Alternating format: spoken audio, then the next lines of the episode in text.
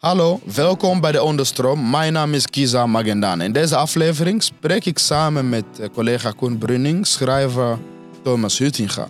In de aflevering vertelt Hutinga waarom wij een gedeelde Europese verhaal nodig hebben. En om dat verhaal vorm te geven, kunnen wij onszelf inspireren door de Europese geschiedenis en cultuur.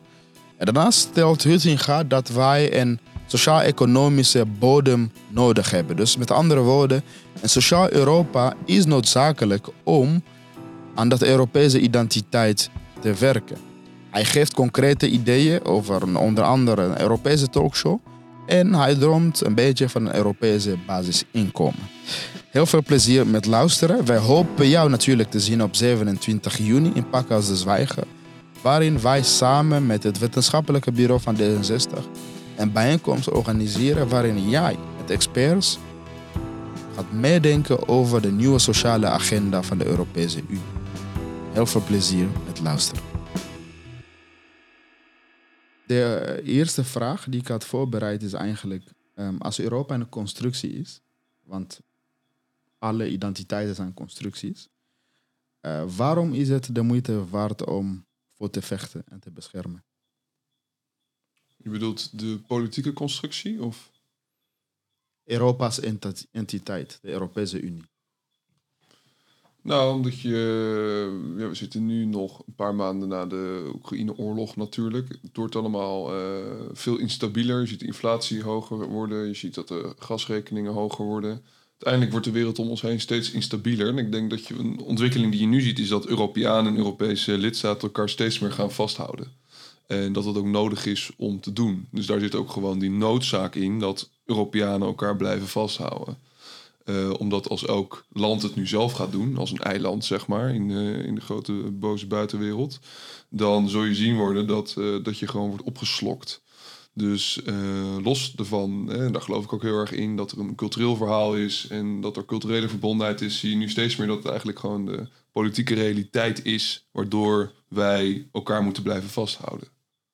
Ja, dus het is dan een instrumenteel project uit jouw antwoord. Het is een uit noodzaak dat we Europa moeten beschermen. Anders gaan wij uh, de kop eronder. Va vang ik, vat ik dat goed samen? Nou ja, als je kijkt naar de geschiedenis van Europese integratie, dan is dat ook inderdaad het idee geweest van hè, we hebben elkaar vernietigd tijdens de Tweede Wereldoorlog, dit nooit meer, krieg. En uh, nu gaan we elkaar inderdaad meer vasthouden en steeds meer samenwerken. Dat is eerst economisch de ondergrond van het Europees project is economische samenwerking. Uh, maar wat je nu steeds meer ziet, is dat het steeds meer politiek ook wordt. En steeds meer politiek, als je kijkt naar bijvoorbeeld het vluchtelingenbeleid, maar ook defensie en dat soort gebieden, zijn we steeds meer met elkaar gaan samenwerken. En uh, daarin zie je dat het Europese project ook steeds meer aan het veranderen is.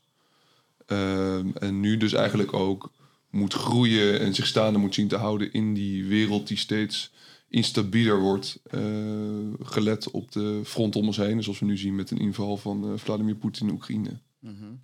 En uh, we hebben hier aan de Europeanen van vandaag en morgen. En je hebt een project van Stefan Zweig vertaald en populair gemaakt aan de nieuwe generatie Nederland. Um, en een van jouw analyses daarin is dat Europa veel, veel meer is dan het economische project dus eh, voor jou moet Europa ook meer gaan voelen. Zou je daar ook iets meer over kunnen vertellen in de context van deze podcast? Ja, natuurlijk. Dankjewel. Um, ja, wat ik zeg maar uh, heb gelezen toen en toen ik dacht van dat is interessant om dus te gaan vertalen en toe te lichten, zijn dus die lezingen van de Oostenrijkse schrijver Stefan Zweig. En dat ging dan over Europa, waarin hij in de jaren 30 van de vorige eeuw een uh, Erasmus-uitwisseling voor, uh, voorstelde, een Europees mediakanaal. En hij was iemand die echt in Europa geloofde als idee, als gevoel. en voelde zich Europeaan. Zijn, um, uh, zijn autobiografie die hij in 1942 publiceerde... Uh, is ook Herinneringen van een Europeaan, heet dat ook. De wereld van gisteren, Herinneringen van een Europeaan.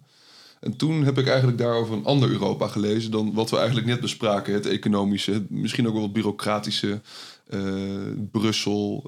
daar was zeg maar meer inderdaad dat het een gevoel was. Een gevoel om Europeaan te zijn. En daarin heeft hij het ook heel erg over een Europese cultuur. En um, dat is belangrijk eigenlijk omdat wat ik net schetste. Dus we zijn steeds meer met elkaar gaan samenwerken.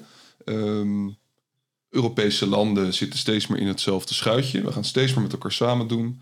Maar eigenlijk kennen we elkaar niet echt. We weten niet wie de ander is, wat we, wat we gemeenschappelijk hebben. En als je het mij vraagt, is dat gemeenschappelijke die geschiedenis en cultuur. En die Europese cultuur is dan een bouwwerk wat in ongeveer 2000 jaar is opgebouwd door verschillende Europese landen, volkeren en ook verschillende handen die eraan hebben gebouwd. En die hebben iets gemeenschappelijks gebouwd. En eigenlijk is dat een product van de 19e eeuw. In de 19e eeuw begonnen mensen ook, werd Nederland ook gebouwd en andere landen keken allemaal naar elkaar hoe ze dat gingen doen. Het Rijksmuseum werd bijvoorbeeld hier neergezet. We gingen op zoek naar nationale boegbeelden. En eigenlijk keken we allemaal een beetje van elkaar af. En we keken een beetje naar de Grieken, we keken naar de Romeinen, we keken een beetje wat bindt ons eigenlijk. Maar daardoor heb je wel dat dat gemeenschappelijke heel erg als eilandjes wordt gezien. En ik denk dat dat nu nog steeds ook zo is. Als we het hebben over Europa. Wat is Europa? Dat is een groep landen die, die of samenwerken of samen een continent uh, delen in dat opzicht. Maar dat wordt nog steeds als eilandjes gezien dat Nederland zijn. Die hebben Rembrandt, de Italianen. Die hebben dan uh, Raphaël of Titiaan of Da Vinci, noem het op. Maar eigenlijk, als je naar de Europese cultuur kijkt en hoe dat er toen bij lag in de 16e eeuw, dan zie je dat toen ook al die landen al naar elkaar keken. En dat het eigenlijk ook gewoon een heel Europees product is. En dat iemand als Rembrandt bijvoorbeeld keek van hey, hoe gingen die Italianen eigenlijk om met licht en duisternis in hun, uh, in hun portretten. Um, sterker nog, eerst was ons nationaal boegbeeld was een Belg, Pieter Paul Rubens. Mm -hmm. Toen kregen we de afscheiding in 1830. En toen dachten we ineens van, nou, die zijn we kwijt. Wat gaan we doen? We toveren Rembrandt eigenlijk tevoorschijn. Dus, um, en toen kreeg je dus ook Rembrandtplein, kreeg je dat soort ontwikkelingen. In, in... En dit is de wereld van de kunst en intellectuelen. Die zijn uh, voorlopers, hè, zou je kunnen ja. zeggen, over de invulling van de identiteit. Ja, precies. Dus zij hebben gebouwd aan die Europese cultuur, maar het is ook nog wel wat breder dan dat. Dus het is inderdaad misschien ook wel een idee geweest van die schilders en schrijvers, maar ook wat die Europese cultuur heeft gevormd zijn dingen als oorlog. Uh, gedeelde ervaring. Gedeelde ervaring, ja, dat gemeenschappelijke. Het paradoxale aan jouw uh, verhaal, Thomas, is dat in het debat, nu als het gaat om Europa, hoor je steeds het idee dat we moeten juist die diversiteit koesteren. Dus dat zeggen eurosceptici. Mm -hmm. En dus zijn wij tegen het Europese project, omdat ja. het gezien wordt als dat monsterproject wat je net beschreef, dat technocratische project, gericht alleen maar op economische samenwerking en weinig op de Europese ziel. Dus, dus dan rijst de vraag, als je pro-Europeaan bent, ben je dan tegen diversiteit? En als ik jou zo hoor, is het een misvatting om te denken dat als je pro-Europees bent, wat je eigenlijk bent, uh, Thomas, mm -hmm. dus jij bent niet tegen diversiteit, tegen die rijkdom aan culturen, zoals je dat nee, net beschreef. niet. Kijk, dat, dat palet van Europese cultuur bestaat uit verschillende kleuren. En uh, dat is een heel gemengd palet. En het is ook niet alleen dat het alleen maar Europees is, zeg maar. Hè. Er komen ook andere invloeden komen daar natuurlijk bij kijken, ook buiten Europa. Um, en dat is ook goed om, om divers te zijn. Het is niet zo dat het allemaal één Europese eenheidsworst is. Er zitten ook verschillen tussen Nederlanders. Als je in het noorden van Nederland bent of in het zuiden van Nederland. Limburg is misschien, heeft niet, misschien net wat meer affiniteit met, met België dan dat mensen uit Noord-Nederland dat hebben. Dus daarin is Nederland ook divers, et cetera. Uh, het probleem wat ik een beetje heb daarin met diversiteit is dat het wordt gezegd van ja, wij zijn allemaal zo verschillend. Hè? We zijn allemaal zo anders en dat moet ook allemaal blijven. En dan heb je inderdaad de Europese Unie die er een eenheidsvorst van maakt. Nou, eigenlijk waar die Europese Unie voor zorgt, is juist dat je makkelijker die overeenkomsten kan vinden. Het feit dat we makkelijk kunnen reizen, het feit dat we makkelijk kunnen studeren, het feit dat je makkelijk kan samenwonen als je een vriendin hebt uit een uh, vriend of vriendin hebt uit een andere EU-lidstaat dat zorgt ervoor dat je uh, Europeanen meer bij elkaar kan brengen. Dus ik zie die Europese cultuur ook als inderdaad die verschillende, die verschillende kleuren uh, die elk land heeft. Maar die ondergrond is gemeenschappelijk. En die ondergrond is hoe de steden gevormd zijn. En hoe mensen naar kunst kijken. Naar literatuur die geschreven is. En hoe al die landen van elkaar geleerd hebben. Dat is het gemeenschappelijke. En inderdaad, mensen die tegen de EU zijn, die zijn uh, meestal ook niet echt begaan met die Europese gedachten. Die denken nationalistisch. De Europese gedachte is het idee dat je mensen bij elkaar wil brengen. Dat je wil laten zien wat een Nederlander, een Fransman, een Italiaan, een Pool, een Fin tot en met een Rus bindt. En zij hebben daar niks mee, want zij roepen alleen maar: kijk eens hoe mooi Rembrandt is, kijk eens hoe mooi, nou, noem het maar op. Omdat zij dus niet Europees denken. Maar ze lijken ook vaak kritiek te hebben op hoe bijvoorbeeld de Europese Unie haar economische begrotingsregels heeft geïntroduceerd. Nou, hoeven niet in de economie te gaan springen om dat te gaan proberen te duiden. Maar ik kan me wel voorstellen dat veel van de tegenstanders, waarbij je aan de ene kant een wat meer nationalistische insteek ziet, en aan de andere kant ook een kritiek op bijvoorbeeld die begrotingsregels, die tot op zekere hoogte, bijvoorbeeld na de crisis van 2008, heel veel gevoelens van vervreemding heeft doen ontstaan Ja. bij een groot deel van de bevolking. En als jij het dan hebt over een Europees gevoel, kan ik me misschien voorstellen dat jij ook denkt: hé shit, dat kan ook wel echt anders om dat gedeelde gevoel te gaan stimuleren. Ja, zeker. Eh, dus, dus de euro is in principe een politiek project. Maar je ziet inderdaad dat er ook wel culturele vooroordelen bij komen kijken. hè. Dus dat kan inderdaad zijn met de Noord-Europeanen tegen de Zuid-Europeanen. En de Zuid-Europeanen die dan niet hard werken, et cetera. Ja, we hadden het een eh, introducerende essay over Ja. eh, eh, Elsevier. Ja, Eh, die dus een karikatuur maakt van zouden Europeanen dat ze lauw zouden zijn. Basically komt het daarop neer. ja. Hoe kijk jij naar die karikaturen binnen de Unie? Eh, want dat is een van de grootste problemen. Want we hebben het over solidariteit. Je kunt Ja. pas solidair zijn met elkaar als je bewust bent van wat je net schetst. Dus een gedeelde ervaring. Ja. Wat zijn jouw reflecties over eigenlijk al die tegenstellingen binnen de Unie op dit moment? Ehm, ja, inderdaad, om met die karikaturen te beginnen. Het is lastig ook omdat ehm, dat opgewekt wordt door politici. Eh, die kunnen, hè, als je het inderdaad hebt over dat brengen van gemeenschappelijkheid en iemand eh, toen de tijd begon over snapzoend vrouwen en dat dat een reden moet zijn om een begroting eh, op orde te hebben. Ja, dat wekt gewoon kwaad bloed. Dat hebben we toen ook gezien bij de coronacrisis. Dat eh, minister Hoekstra ook toen zei van hè, waarom midden in de coronacrisis van waarom hebben jullie begroting niet op orde? Dat wordt ook als Nederlander zijn, dan word je daar ook echt op aangekeken als je daar dan bent. Ehm, dus in dat opzicht kunnen politici ook wel qua bloed zetten daarin. Zie je ook die verschillen die de politici accentueren? Want jij, eh, jij eh, denkt over Europa, je reist. Hoe extreem zijn die verschillen? Of ehm, zijn eurofielen een beetje naïef eh, om een beetje in de stoel te zitten van eurosceptici? Nou, kijk, als, je, als we het hebben over de architectuur van net, inderdaad met Noord- tegen Zuid-Europa. Het is nu een beetje gedaan. Noord-Europa werkt zo hard, Zuid-Europa doet niets. Nou, ik denk niet dat dat zo is. Je ziet ook uit feiten dat, eh, uit, uit grafieken, dat bijvoorbeeld eh, de Grieken et cetera meer werkuren hebben. Eh, dat zij langere weken draaien.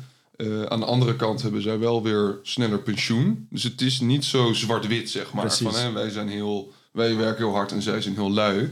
Wat je nu wel dus ziet, onder andere door die politieke samenwerking met een euro en alles erop en eraan, is dus wel dat wij wel steeds meer in hetzelfde schuitje gaan zitten. En als de Fransen besluiten om op hun vijftigste met pensioen te gaan, bij wijze van spreken, dat dat heel veel gaat drukken op de staatsschuld, et cetera, et cetera. Dat was ook een moment dat eh, Macron toen aan het dineren was met eh, Rutte. Eh, hier in Nederland, premier Rutte en president Macron. En dat toen Rutte begon van, hoe zit het eigenlijk met die Franse pensioenen? En eh, Macron was gewoon verbaasd van, ja, hoe bedoel je dan? En waarom is dat relevant? Nou, dat is dus relevant omdat dat dus ook een beetje steeds meer een Europese aangelegenheid wordt. Als daardoor, doordat mensen sneller met pensioen kunnen gaan in Frankrijk ten opzichte van de andere landen, dat je daardoor problemen kan krijgen met de financiën. Dus je, je, je- we komen steeds meer als Europeanen in hetzelfde schuitje te zitten.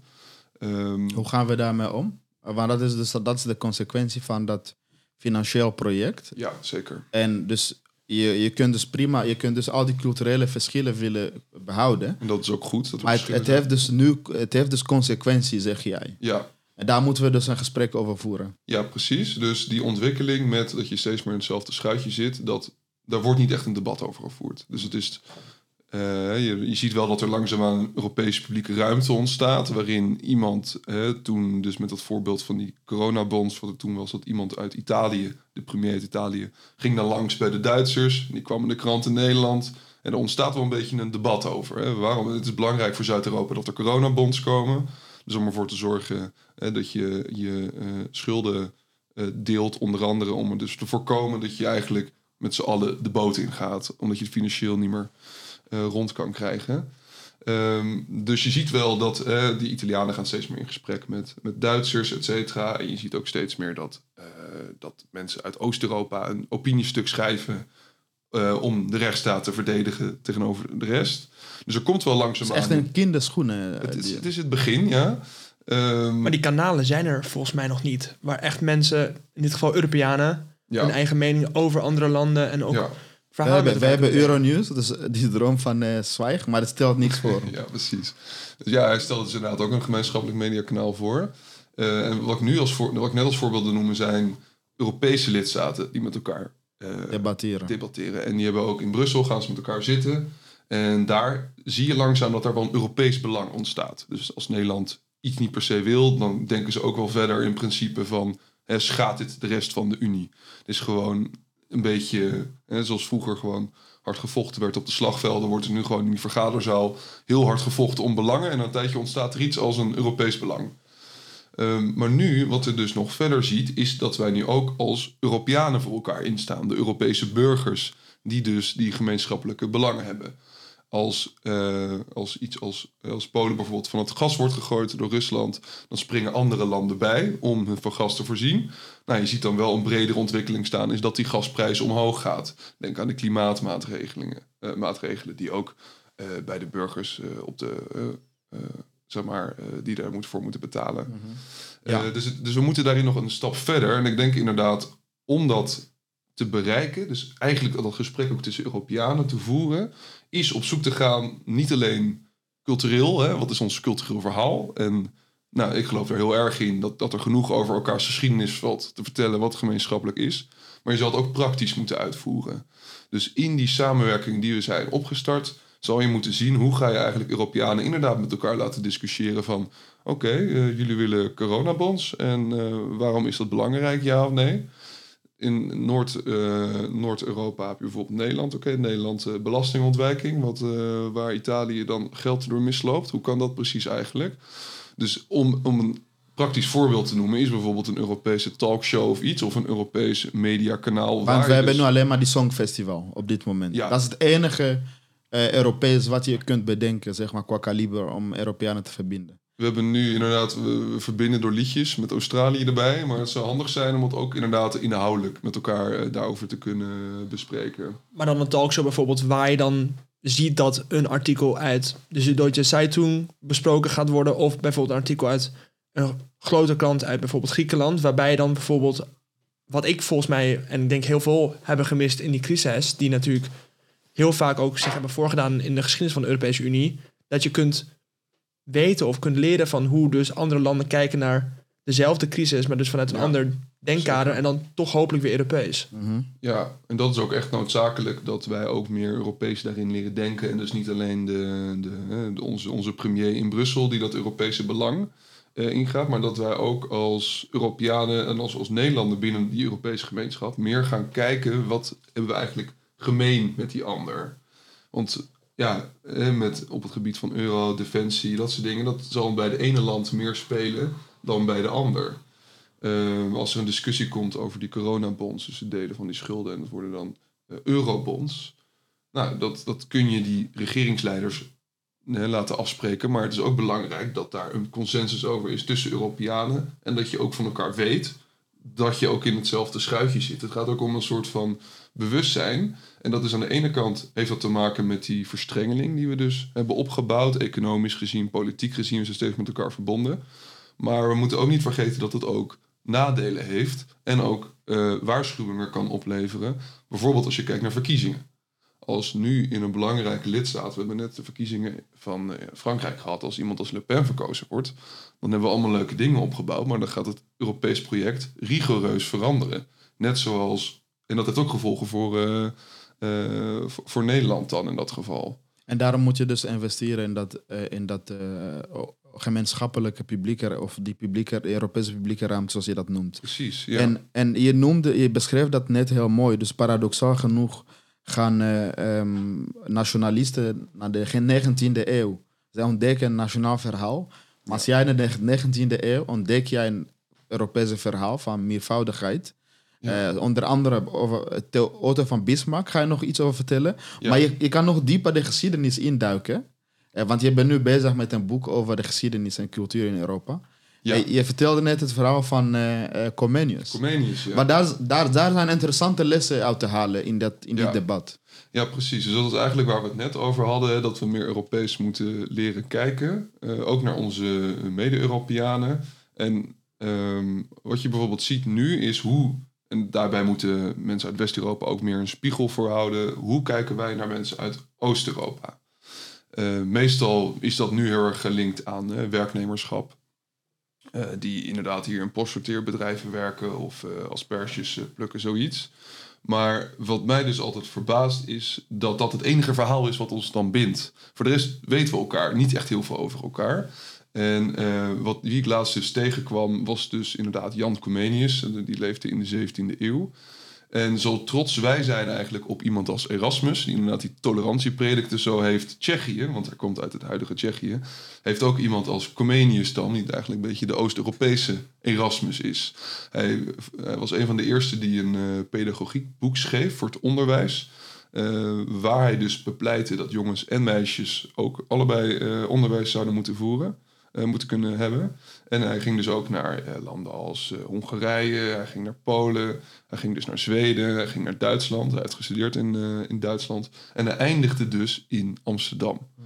In Amsterdam woonde hij in dezelfde buurt als Rembrandt. En hoogstwaarschijnlijk is hij ook geportretteerd door Rembrandt. Hmm. dat hangt in Florence. Maar daar is niet iedereen het over eens. Maar um, in ieder geval, eh, voor de rest ging hij ook nog om met eh, René Descartes en dat soort uh, mensen.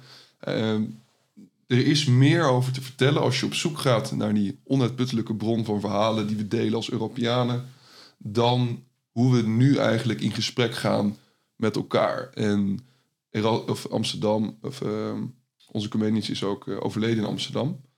Ehm, en toen is hij dus begraven in Naarden en daar is hij nog steeds te bezoeken. Eh, het graf. En er is ook een heel mooi museum waar je langs kan om daar meer over te lezen. En ook interessant ook dat toen Tsjechoslowakije ontstond na de Eerste Wereldoorlog, gingen ze ook op zoek naar nationale boegbeelden. En waar, waar kwamen ze toen terecht bij Comenius? ja. En daarna is Havel ook nog uh, langs geweest hier uh, in Naarden om, om, dat op, om dat te bezoeken. En inderdaad te laten zien dat dat iets is wat gemeenschappelijk is. Ja. Dus als je dat in dat grotere palet van de Europese geschiedenis bekijkt, dan kun je zien dat wij nog heel steeds roepen Rembrandt, maar als je het, het blik vergroot, dan zie je dat er heel veel andere mensen omheen, omheen zaten. En dat dat dus de basis is van die gemeenschappelijke cultuur en geschiedenis die we met elkaar delen. Ja, precies. En, uh, en dan uh, voor wat, de 19e eeuw in, ja. komen we uit bij uh, Otto von Bismarck, de eerste bondskanselier van Duitsland. Ja.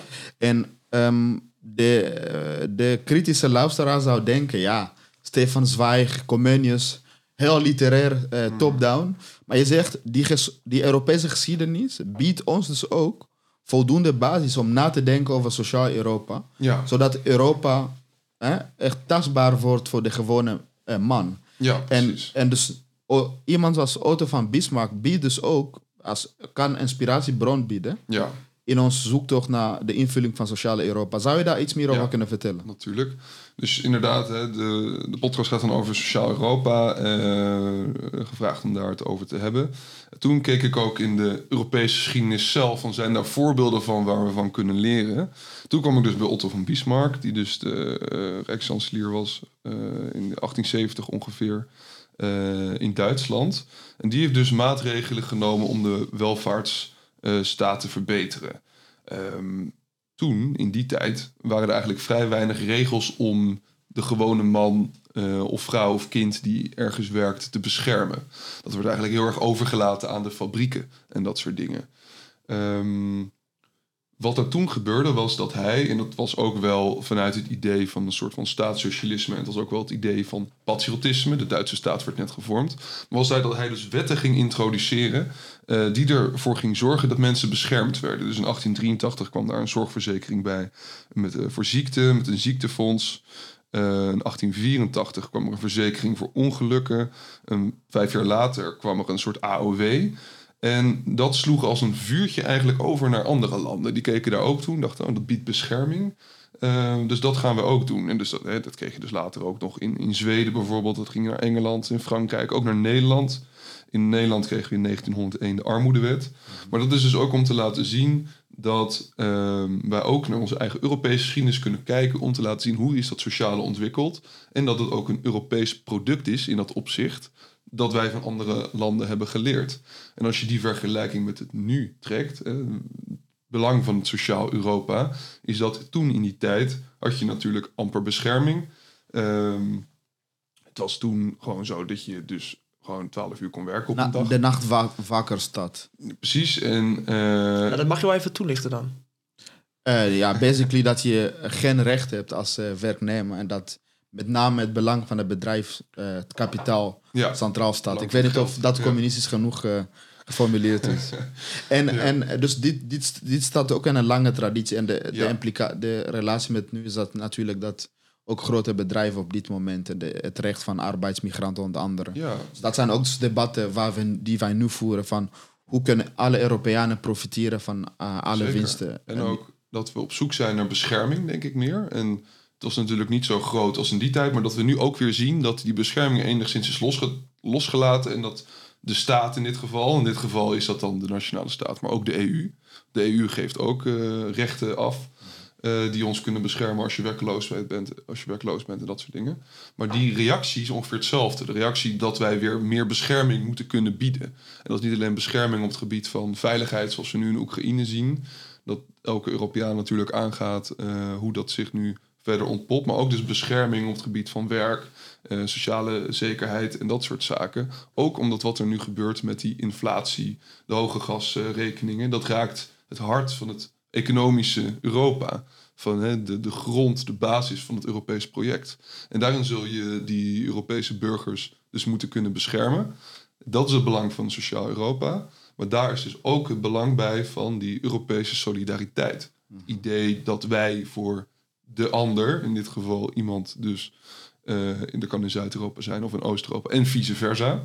Het is niet alleen maar eenrichtingsverkeer. ehm, voor elkaar in willen staan. En daarvoor, voor die Europese solidariteit, heb je dus niet alleen sociale zekerheid nodig, maar dus ook dat culturele verhaal. Maar die nadruk op individuele veiligheid is dus niet alleen inspiratie, maar het kan ook een waarschuwing zijn van de geschiedenis. Want Zwijg in Mhm. zijn boek De Wereld van Gisteren laat dus ook heel mooi zien hoe hij door de straten beweegt en opeens jonge mannen met bruine hemden Ja. om hem heen ziet lopen. Kan jij beschrijven wat voor gevoel jou dat geeft als je dat leest en misschien ook wel wat voor gevoel Zwijg daarbij had? En dan ook daarmee ook wat voor waarschuwing dat kan zijn als we zien hoe er ook nu in Europa natuurlijk oprukkend fascisme lijkt te ontstaan. Nee, precies. Dat is een van de redenen waarom de wereld van gisteren, dus de autobiografie van Zweig, ook zo populair is. Omdat het per jaar dat je het leest, lijken er meer gelijkenissen te komen in ieder geval.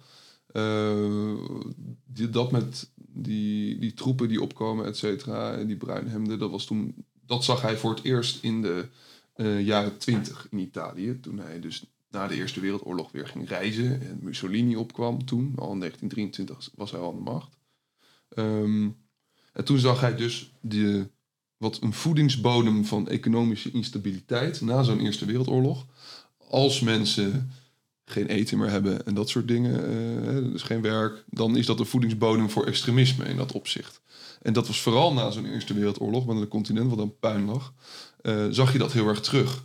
Dus als we ook kijken naar wat de lessen van de geschiedenis ons leren, is dat denk ik dat niet alleen de, de, de liefde voor de medemens eh, door het hart stroomt, maar ook door de maag. Je moet ervoor zorgen dat er werkgelegenheid is, dat die inflatie niet te hard gaat, dat mensen perspectief hebben op een baan. En dat is meer die Europese bescherming die nu nodig is. En dat is dat solidariteit de fait van Robert Schuman eh, eigenlijk. mee begonnen. En ja. eh, terug naar Frankrijk, waar Robert Schuman vandaan komt. Eh, jouw grote idool inmiddels, Koen, ehm, Edouard Louis.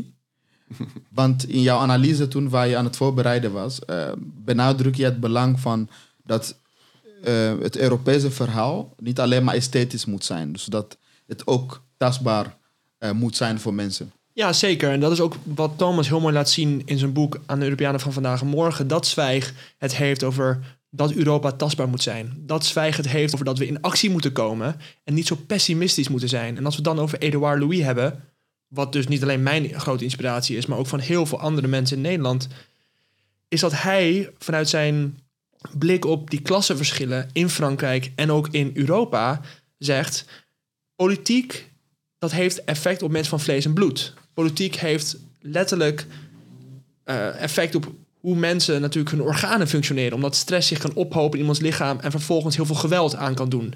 En vervolgens zegt hij dat de heersende klasse politiek als iets esthetisch ziet. Als iets wat ze vanaf een afstandje bekijken, maar zonder enig besef van wat voor effecten beleid hebben op mensen. En als je dan nadenkt over wat Thomas zegt, over hoe belangrijk het is dat dat Europese dak bescherming gaat bieden aan mensen, dan vond ik het inderdaad heel mooi om na te denken over, als we het hebben over hoe Zwijg dat zegt, Europa moet tastbaar worden, en ook hoe Thomas dat benadrukt, dat het inderdaad ook heel belangrijk is dat we na gaan denken over, ja, hoe Europa voor mensen dus tastbaar wordt en daarmee een gevoel, en dat dan weer de basis kan zijn voor die Europese solidariteit.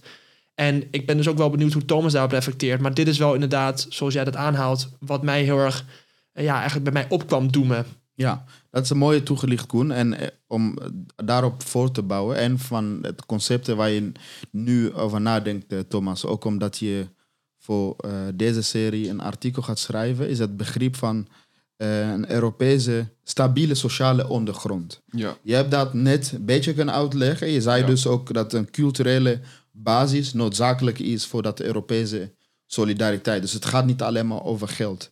precies. Zou je Ja. daar iets over kunnen vertellen? Ja, ik denk dus inderdaad op wat Koen net zei, dat wat er nu steeds meer belangrijk wordt, is inderdaad, eh, ook om jouw term te blijven gebruiken, dat Europese huis en die bescherming die het kan bieden. Eerst werd het cement van het huis werd gelegd met eh, economische welvaart en ook zekerheid daarin. Het feit dat de vrachtwagens naar andere landen blijven rijden. Nou, daar is toen een beetje de discussie gestopt. Hè. Wat is Europa? Europa is belangrijk omdat we dan economisch veel groeien. Maar nu zie je dus een ontwikkeling gaande waar we dus echt meer bescherming van moeten krijgen. Ehm, en dan is dat niet alleen de bescherming voor de EU-burger die naar een andere lidstaat gaat. Eh, de, de student of, of, of iemand die op snel vakantie wil gaan, wat makkelijker gaat nu. Eh, maar ook dus de persoon die in het land zelf blijft zitten. Ehm, omdat we dus steeds meer met elkaar gaan samenwerken vanuit Brussel hoef je niet meer naar een, eh, naar een andere lidstaat te gaan, omdat de EU-wetgeving ook jouw rechten beschermt.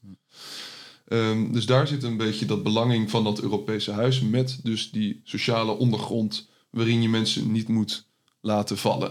En inderdaad, ehm, Maar daar heb je ook een paar praktische oplossingen. Onder andere, ehm, al- althans, ik, eh, bijvoorbeeld zo'n Europese basisinkomen. Moet ik daar in die termen denken? Of is het eh, iets heel anders? Ja, ik- zeg maar, als je kijkt naar wat het sociaal Europa is, dan denk ik dat je daar al een aantal ontwikkelingen ziet. Dat er zich al iets als een, een verder sociaal Europa aan het ontwikkelen is, los van de wetgeving. Hè? Dus de wetgeving is nationaal. Eh, lidstaten bepalen het zelf. Maar je zag bijvoorbeeld bij eh, de coronatijd dat dus die coronabonds kwamen. Dat we dus voor elkaar besloten van hè, we laten elkaar niet vallen en we zorgen ervoor dat iedereen daarin even sterk is. Je zag ook toen dat er iets als SURE ontstond. Dat is een programma van de SURE. Dat is een programma van de Europese Commissie wat ervoor kon zorgen dat je werkeloosheid kon aanpakken. Dat je daar makkelijker geld voor kon lenen. Dat zijn al ontwikkelingen die gaande zijn. En ik denk dat dat al een basis is van Europese solidariteit. Misschien dat dat nog niet ervoor zorgt dat iedereen nu doorheeft in, in de EU dat we nu ook echt in datzelfde schuitje zitten. Daar hadden we het net over. Maar die basis wordt dus al gelegd. Dus ik denk ook dat de EU in dat opzicht en daarbij ook de lidstaten eh, heel goed doorhebben hoe belangrijk het is dat die stabiliteit er is. Maar inderdaad, we zullen daarnaast ook moeten nadenken van hoe kunnen we dat op verstevigen. En ik had toen inderdaad opgeschreven eh, Europees basisinkomen, wat nu dus een project is in verschillende landen. Het is nu al in Finland en Duitsland bezig als experiment. eh, Catalonië voor ongeveer 5000 mensen, ook in Polen. Dat is natuurlijk wel een, het idee van we gaan het nu als Europeanen samen oppakken.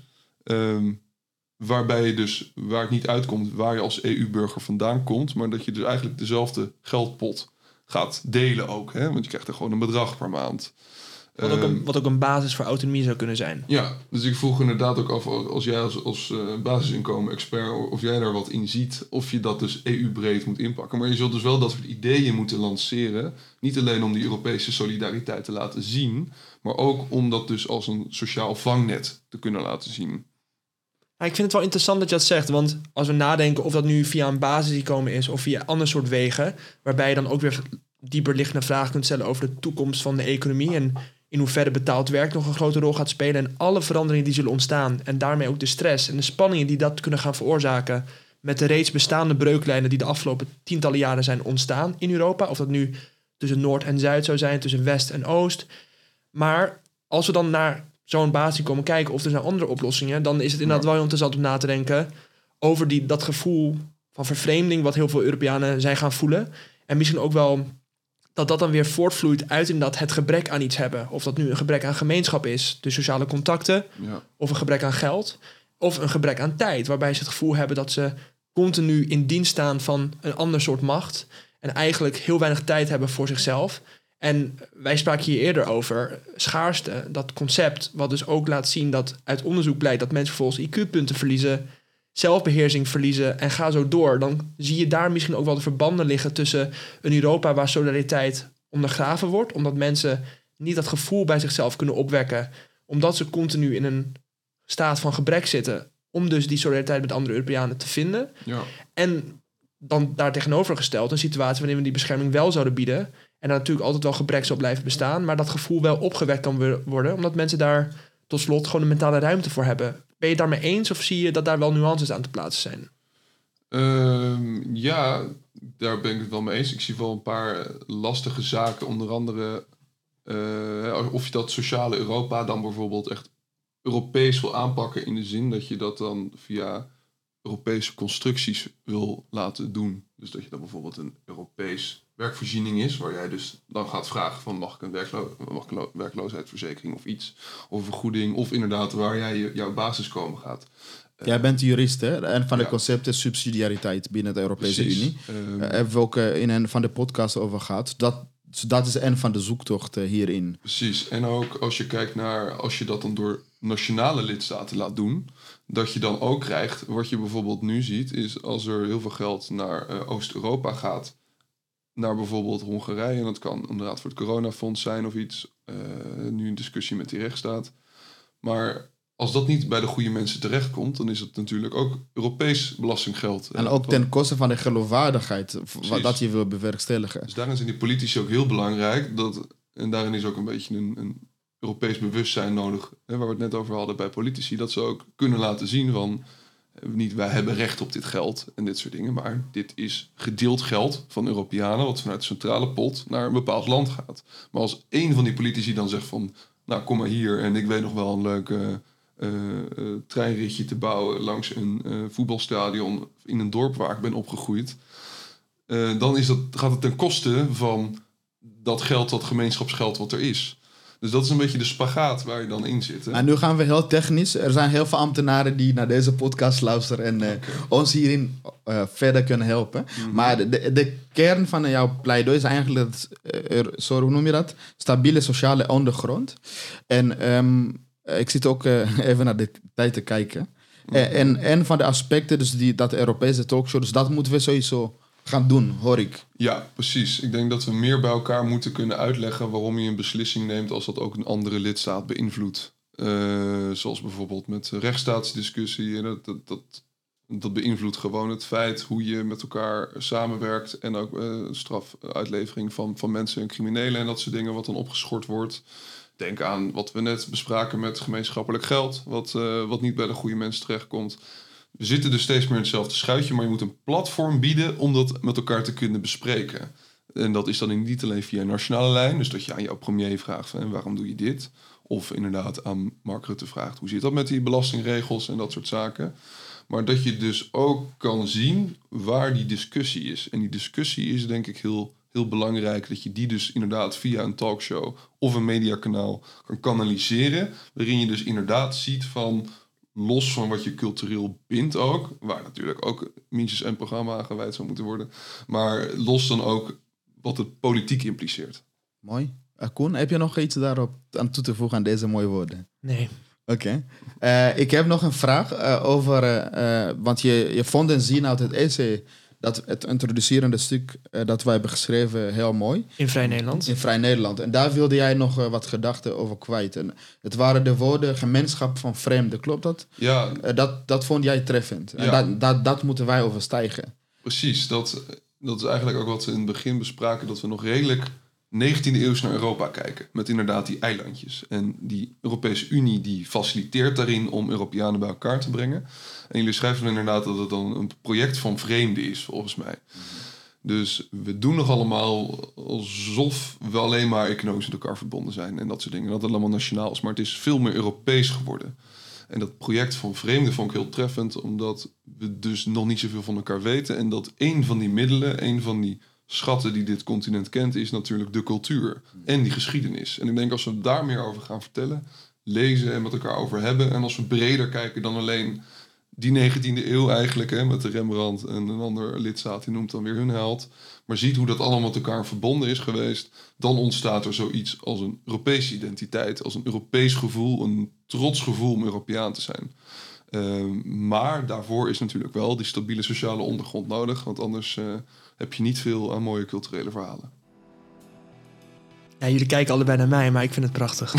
Nee, klopt. En ik eh, wilde ook zeggen dat je in deze podcast echt een goede basis hebt gegeven voor de griep op geschiedenis. We gingen aan Comenius, Bismarck. Ik hoop dat de luisteraar daar wat lessen uit haalt. Maar ook contemporaine ontwikkelingen. Ja. Dus was de noodzaak voor misschien een Europese basis inkomen. Ja, En dat Europese talkshow. Dus we houden jou daaraan als progressief café. hartstikke goed. Ja. Bedankt. Dankjewel, Thomas. Dankjewel voor het luisteren. Vergeet alsjeblieft niet om je aan te melden voor ons evenement over Sociaal Europa, dat op 27 juni plaatsvindt in Pakhuis de Zwijger. Zie de link in de show notes voor meer informatie en om je aan te melden. Tot dan.